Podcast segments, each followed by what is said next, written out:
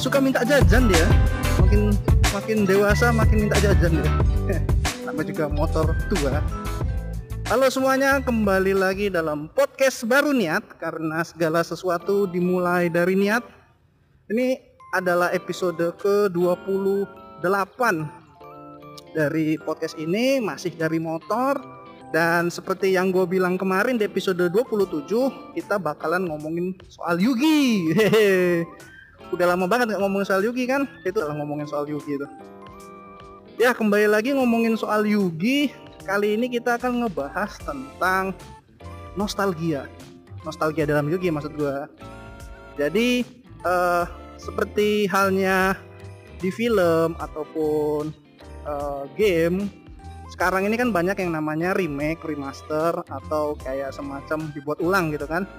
Contohnya kayak game Final Fantasy 7 di remake, Final Fantasy 8 di remaster. Terus ada game-game lain yang di remaster seperti Age of Empire. Age of Empire series itu kan udah di di, di remake remaster lebih katanya. Memang sepertinya lebih kata di remake. Warcraft 3 juga di remake. Meskipun agak fail. Terus ada game-game lain yang lebih banyak jadinya apa ya istilahnya tuh nostalgia pandering. Di game di film juga banyak kan? Uh, yang dia tuh remake film-film jadul dengan tokoh baru dengan plot yang yang somehow nggak sama dengan yang lama gitu. Setelah memberikan apa tuh eh, plot twist yang baru untuk para penonton gitu kan. Tapi masih menyematkan kata-kata remake itu yang beberapa fans menjadi apa ya uh, emosi karena remake itu kan membuat ulang bukan yang menambah hal yang baru. Kalau mau nambah baru ya sekalian namanya judul yang lain dong gitu. Ya salah satu contohnya adalah Final Fantasy 7 tiba-tiba ada spirit-spiritan tiba-tiba Sephiroth yang muncul di awal-awal gitu kan. Nggak sama dengan dengan game Final Fantasy 7 yang lama gitu. Ya itu adalah salah satu poin dari remake ya dan nostal dan semua pada akhirnya remake remaster itu adalah dalam rangka nostalgia pandering. Di Yu-Gi-Oh! juga sama. Uh, Konami sepertinya juga menggunakan strategi yang sama untuk apa ya untuk tetap menjaga marketnya agar tetap uh, ini lah tetap dimainkan oleh player gitu kan. Karena kalau membuat art, art type baru terus menerus sepertinya kan lama-lama ide habis. Makanya uh, Konami kembali ke strategi uh, menghidupkan kembali archetype lama nostalgia kan jadi istilahnya. Kayak kartu-kartu jadul gitu yang dulu kita miliki zaman kita masih SD yang kita mainkan masih baik pakai kartu palsu atau main di game di GBA nah, sekarang archetype-nya di diperkuat istilahnya diberikan support-support tambahan di mana uh, kartu yang lama itu kembali menjadi meta gitu. Salah satu contoh yang paling paling salah menurut gue yang paling terlalu terlalu overpower menurut gue adalah uh, supportnya dari Red Ice yaitu Red Ice Dragoon jadi Red Ice ini kan beberapa tahun terakhir ini kan selalu disupport ya mulai dari kartu monsternya ada Red Ice eh, spell yang bisa bisa nge-search Red Ice habis itu ada monsternya yang bisa special summon Red Ice terus Red Ice Darkness Metal Dragonnya yang ngasih tetap ada di dipak di di limit meskipun efeknya lumayan jago tetap nggak di band masih hanya di limit. Terus ada kartu spell fusionnya juga yang namanya red ice fusion. Nah itu tuh yang kartu yang melakukan fusion dari deck itu sangat luar biasa ditambah dengan terakhir kartu red ice dragon itu yang apa ya kayak apa tuh uh, final final nail in the coffin istilahnya itu. Jadi itu kartu terakhir yang membuat Red Ice itu menjadi terlalu overbroken. Dan kacaunya adalah uh, supportnya itu tuh nggak secara 100% menguntungkan Red Ice malah justru menguntungkan monster uh, deck yang lain gitu loh. Jadi contoh yang tadi Red Ice Dragon kan Red Ice Dragon, Red Ice Dragon itu efeknya adalah kita membuang satu spellcaster dan Red Ice ke dari uh, dari deck kalau kita pakai Red Ice Fusion untuk special summon dia. Efeknya adalah once per turn bisa discard satu kartu negate. kalau get monster efeknya attacknya nambah buat kita. Kan kurang ajar itu namanya. Terlalu hebat untuk untuk satu kartu gratis gitu. Apalagi kalau menggunakan red ice dragon kan jadi satu untuk satu. Terlalu jago dan hmm, ya efeknya terlalu broken lah sampai pada akhirnya Konami memban itu uh, red ice dragon. Itu broken. Nah kembali lagi ke soal nostalgia kan, nggak hanya Red Ice aja sih yang menurut gua dapat support tambahan, bahkan beberapa archetype lama kayak Goki Ball aja, Goki Ball aja dapat support, iya kan? Terus lah uh, seperti misalnya Grave Grave Keeper itu kan archetype pertama yang katanya yang dibuat oleh Konami. Jadi Grave Keeper itu adalah archetype yang pertama yang dibuat oleh Konami itu dapat Grave Keeper Priestess, ada Keeper yang lain itu meskipun nggak terlalu tetap nggak terlalu jago sih. Tapi tetap aja dapat support. Bagi orang-orang yang dulunya main Gravekeeper jadi wih ada support baru nih pengen main lagi sama Yugi. Nah gitu. Tujuan dari melakukan support archetype lama itu adalah untuk menarik minat para pemain lama. Karena jujur aja pemain lama itu kayaknya udah lumayan muak sama meta yang sekarang gitu kan di mana archetype yang sekarang tuh dibuat untuk oh, antara nge-spam field untuk menghasilkan one turn kill, nge-spam field untuk menghasilkan kontrol yang sangat luar biasa kontrol atau uh, efek-efek yang memberikan resource terus-menerus sembari meniget resource lawan gitu. Seperti contohnya apa itu namanya itu yang yang bisa direct attack 800 itu. Nah, itu kan archetype sekarang tuh gitu jadi full total control atau total attack gitu. Jadi main Yugi itu bisa main 4, 4 turn tuh udah selesai gitu. Nggak sama main Yugi yang lama dulu kan 10 turn bisa belum selesai selesai gitu. Ya gitu dengan dengan adanya support dari archetype lama ya itu kan nostalgia pandering oh iya dulu gue punya gue sempet ngoleksi Blue Eyes nih. Wah ternyata Blue Eyes sekarang main jago aku main lagi. Ah gitu. Strategi Konami ya pada akhirnya emang sukses sih. Buktinya uh, Blue Eyes itu masih relevan. Bagi-bagi pemain deck Blue Eyes yang lama tuh langsung merasa semangat gitu. Lalu deck Red Eyes lalu Dark Magician. Bahkan kayak semua kartu yang dipakai oleh uh, pemeran utama Yugi itu kayaknya semuanya dapet deh bahkan yang uh, Friends itu yang yang tanaman-tanaman tuh juga dapet kan supportnya akhirnya Nah, itu tuh termasuk uh, nostalgia pandering. Gak salah sih. Ya memang pada akhirnya kita memilih membeli itu kan atau memilih sesuatu kan karena feeling juga kan karena kita merasa ada koneksi dengan si uh, benda tersebut. Dalam hal ini kartu Yugi. Karena kartu Yuginya adalah dulu yang pernah kita koleksi pernah kita mainkan kita selalu uh, kalau ada support tambahan selalu seneng dan biasanya akan mencoba mengupdate deck kita gitu. Gue sendiri uh, deck yang selalu masih gue pegang adalah deck hero.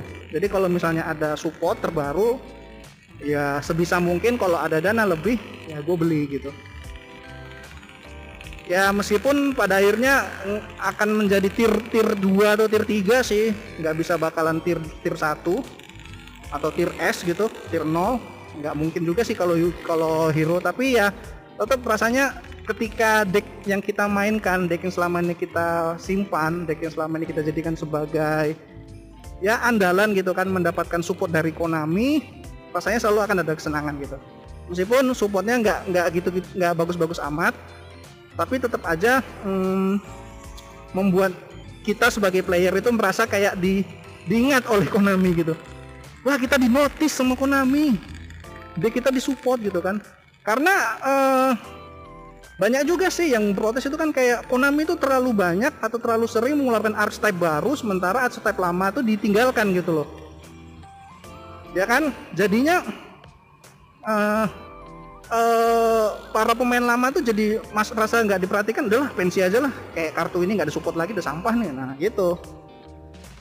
Jadi kayak um, memang pada akhirnya Konami juga nggak bisa terus menerus ngeluarin archetype baru kan pakai support yang lama. Jadi dan juga dengan adanya support yang lama dia juga ada alasan untuk mengeluarkan set baru gitu loh. Kayak set set Jonochi set Malik set uh, Yugi Yami Yugi atau set Kaiba gitu kan. Ya kesempatan juga itu Konami untuk melakukan menjual kartu sekaligus apa namanya itu ngereprint. Nah itu tuh salah satu strategi Konami itu mereprint kartu yang dulu yang dulu udah ada direprint ulang. Kayak Blue Eyes tuh udah berapa kali tuh direprint tuh? Dark Magician direprint misalnya. Oh Red Eyes Dragon Red Eyes Black Dragon juga di reprint ya pokoknya kartu-kartu lama support itu direprint bahkan dulu sempat ke pernah inget kartu kayak macam terraforming itu tuh udah lama banget itu nggak di reprint itu. Baru di set tertentu baru di reprint lalu kayak solem uh, solem solem kartu gitu. Solem judgment solem wish solem wish solem solem strike solem warning. Nah, itu kartu-kartu staple zaman dulu yang rarity-nya uh, tinggi. Itu sekaligus di, di remake sama bukan di remake sih di reprint sama Konami dan diturunkan uh, rarity-nya. Jadi ya semacam memberikan alasan lah gitu untuk Konami untuk mencetak atau menjual lebih banyak kartu. Memang namanya jualan ya. Kita nggak bisa komentarin itu salah atau benar tapi ya lihat aja tingkat tingkat penjualannya apakah maksa atau enggak gitu. Ya gitulah. Jadi nggak uh, hanya di di game di film nostalgia di Yugi itu juga sangat kuat. Mungkin beberapa tahun terakhir udah lama banget sih itu udah muncul.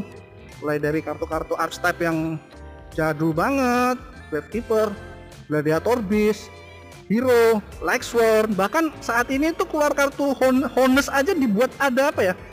Uh, semacam dibuat kartu yang berbeda tapi bukan support Honest sih, cuman ya kayak membuat kembaran lah gitu namanya Dark Honest efeknya sama seperti kalau Honest kan di damage stat kita bisa lempar dia dari tangan aktifin efek dia dari tangan untuk uh, menarget satu monster yang kita battle untuk dapat attack sebesar monster yang di battle sama dia gitu. Misalnya kayak monster A kita monster A attack 3000 monster B attacknya 5000 monster lawan 5000 kan.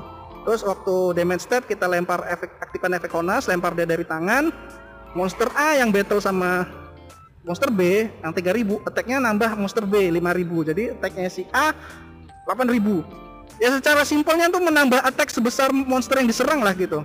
Nah sekarang Dark Honest itu kebalikannya. Dia akan mengurangi attack lawan sebesar apa pun menjadi nol gitu. Nah itu agak unik kan? Jadi semuanya dienolin sama dia. Mau efek efek limiter removal mau diapain pokoknya nol Nah itu sangat ya implikasinya berbeda lah gitu untuk deck-deck yang dan karena dia ini dark honest dia cuma bisa berlaku untuk kalau kita monster yang lawan kita dark gitu. seperti itu. Jadi nggak hanya kalau dulu honest adalah hanya like berarti sekarang dark honest hanya dark. Tapi gue herannya kenapa namanya nggak dishonest gitu ya? Kalau misalnya mau ngambil uh, parodinya atau pun dari si Honest gitu kan jujur tidak jujur gitu. Ini malah honest sama dark honest agak aneh sih. Tapi ya itulah pilihan-pilihan kalimat ini. Oke mungkin itu dulu yang bisa gue sampaikan di episode kali ini. Agak cukup pendek ya. Karena uh, pada akhirnya meskipun Konami melakukan reprint berulang-ulang melakukan nostalgia pandering berulang-ulang kalau misalnya playernya sudah nggak semangat lagi main Yugi ya sebetulnya strategi yang nggak nggak ini juga sih nggak sukses juga nggak berhasil juga kan. Jadi pada akhirnya ya tergantung pada kalian lah para player kita sebagai duelist. Ah, oh iya kita di main Yugi itu memberi nama menjuluki diri sendiri nah sebagai duelist gitu kalau pemain play kalau PG itu kayak PG player gitu-gitu kan. MTG player. Tapi kalau itu duelist ya, luar biasa emang. Memberikan ah, sense of pride oh, dalam bermain Yugi salah satu strategi marketing biasalah. Ah, terus jadinya uh, kembali lagi tadi apakah strategi nostalgia itu berhasil? Kembali lagi ke kita gitu. Apakah kamu pengen mengoleksi kartu yang lamamu Apakah kamu pengen lihat kartu lamamu kembali berjaya dan kembali bermain di meta Yugi? Atau hanya sekedar koleksi aja? Kalau gue pribadi sih sekarang hmm, untuk untuk bermain secara kompetitif sudah nggak lagi lah ya nggak nggak kuat. Yang sekarang kita mainnya kasual aja gitu. Yang kata lain kalau misalnya ada remake atau ada reprint dari kartu support tambahan dari Upstep yang gue miliki ya gue bakalan uh, membelinya tetap membeli mencoba membeli cuman dalam bukan dalam waktu yang kayak hype banget gitu langsung beli gitu enggak paling nunggu dua atau tiga bulan atau bahkan setahun untuk membeli support tersebut. Pada akhirnya kembali lagi kembali ke kondisi finansial dan kesenangan lo passion lo dalam bermain Yugi. Oke sekian dulu dari gua. Mungkin di episode Yugi di episode Yugi selanjutnya kita akan ngomongin soal terjemahan dan sensor dalam Yugi. Sebetulnya ini uh, gak penting, mbak. Uh, bukan mas, bukan bahasan yang unik banget sih karena di Yu-Gi-Ohpedia, Yu-Gi-Oh Wikia, Yu-Gi-Ohpedia, Yu-Gi-Oh Wikia ini sudah masalah yang pernah ada ada sesi tersendiri, ada halaman tersendiri soal sensoring dan perubahan nama archetype. Tapi ya nanti coba kita bahas di episode 30-an lah ya. Nah, ini nah jangan terlalu dekat-dekat sama yang sekarang gua Santoso dari podcast baru niat. Terima kasih udah dengerin. Sampai jumpa